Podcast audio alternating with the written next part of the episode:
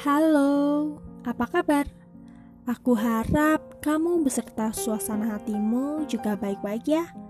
Kalaupun tidak baik, semoga saja lekas membaik. Oh iya, kenalin, aku Uswatun. Di podcast pertamaku ini, aku ingin berbicara mengenai rasa suka yang mungkin tak terbalas. Hmm, pernah nggak sih kalian suka dengan seseorang yang bahkan tidak menyukai kita balik? Aku rasa sih hampir semua orang pernah dalam situasi ini. Atau mungkin sekarang kamu sedang di posisi ini? Aku tahu persis sih bagaimana rasanya di posisi ini. Sakit.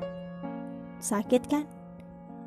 Kita selalu sibuk memikirkan dia setiap waktu, setiap hari, setiap jam, atau bahkan setiap menit.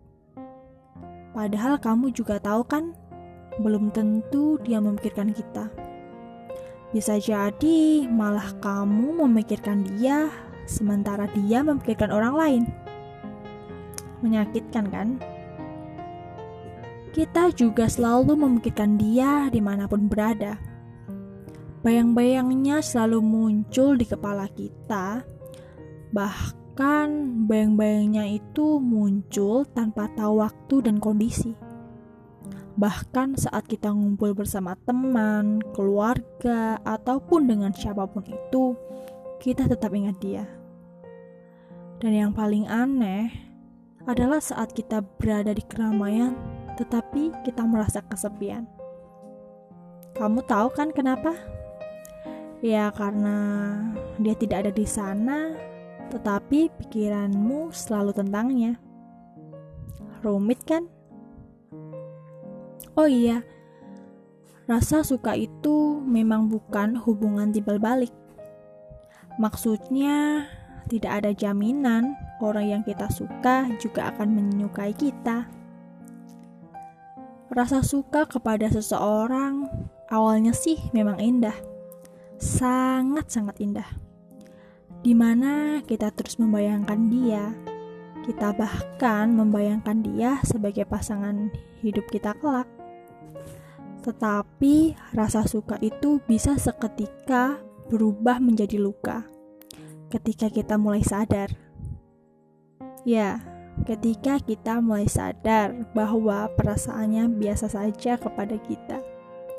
Atau bisa dibilang sih, dia tidak menyukai kita Mungkin dia tidak berbicara secara langsung bahwa dia tidak menyukai kita, tetapi kita sebagai manusia yang mempunyai perasaan dan logika pasti bisa dong merasa merasakan perasaannya saat itu.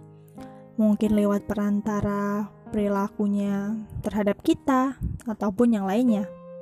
Saat logika dan perasaan kita berjalan dengan baik dan di situ di situ pun kita mulai menyadari perasaanmu beda dengan perasaannya. Di situlah timbul rasa sesak di dada. Mungkin kamu langsung mengingat semua perjuanganmu. Entah itu perjuanganmu untuk bisa mengenalnya, perjuanganmu untuk dekat dengannya, dan masih banyak perjuangan lainnya. Sesakit ataupun sehancur apa pun hatimu, aku yakin sih kamu tetap saja memperhatikan dan memperdulikannya. Kamu terus mencari tahu tentangnya dengan berbagai cara. Mungkin kamu setiap waktu stalking Instagramnya, melihat online WA-nya, memantau story-nya di semua sosmednya. Tetapi di situ juga kamu ingin sekali mengirim pesan untuknya. Kamu ingin mengirim pesan bahwa kamu rindukan kamu juga ingin bilang bahwa kamu ingin dia menjadi bagian dari hidupmu, dan masih banyak pesan lainnya. Di satu sisi, kamu juga sadar, bahkan kamu saat itu menahan semua keinginannya. Kamu terus mencoba tegar walaupun hancur. Ya, begitulah dicampakkan. Dicampakkan memang bukan hal yang mengenakan. Tetapi, kamu juga harus ingat ya, bahwa di dunia ini memang ada hal yang tidak bisa dipaksa, termasuk perasaan. Kamu tidak bisa memaksakan orang menyukaimu, menyayangi, atau bahkan mencintaimu. Jika memang akhirnya begitu, hal yang bisa kamu lakukan adalah merelakan dan mengikhlaskan. Jangan berlarut dalam kesedihan. Kamu adalah seorang yang sangat berharga dan masih banyak hal lagi yang patut kamu pikirkan dan juga perjuangkan entah itu impianmu, keluargamu, ataupun hal yang lainnya. Semangat ya, tetaplah menjadi kuat. Jangan menjadi lemah karena ini. Kamu hebat. Aku yakin kamu pasti bisa.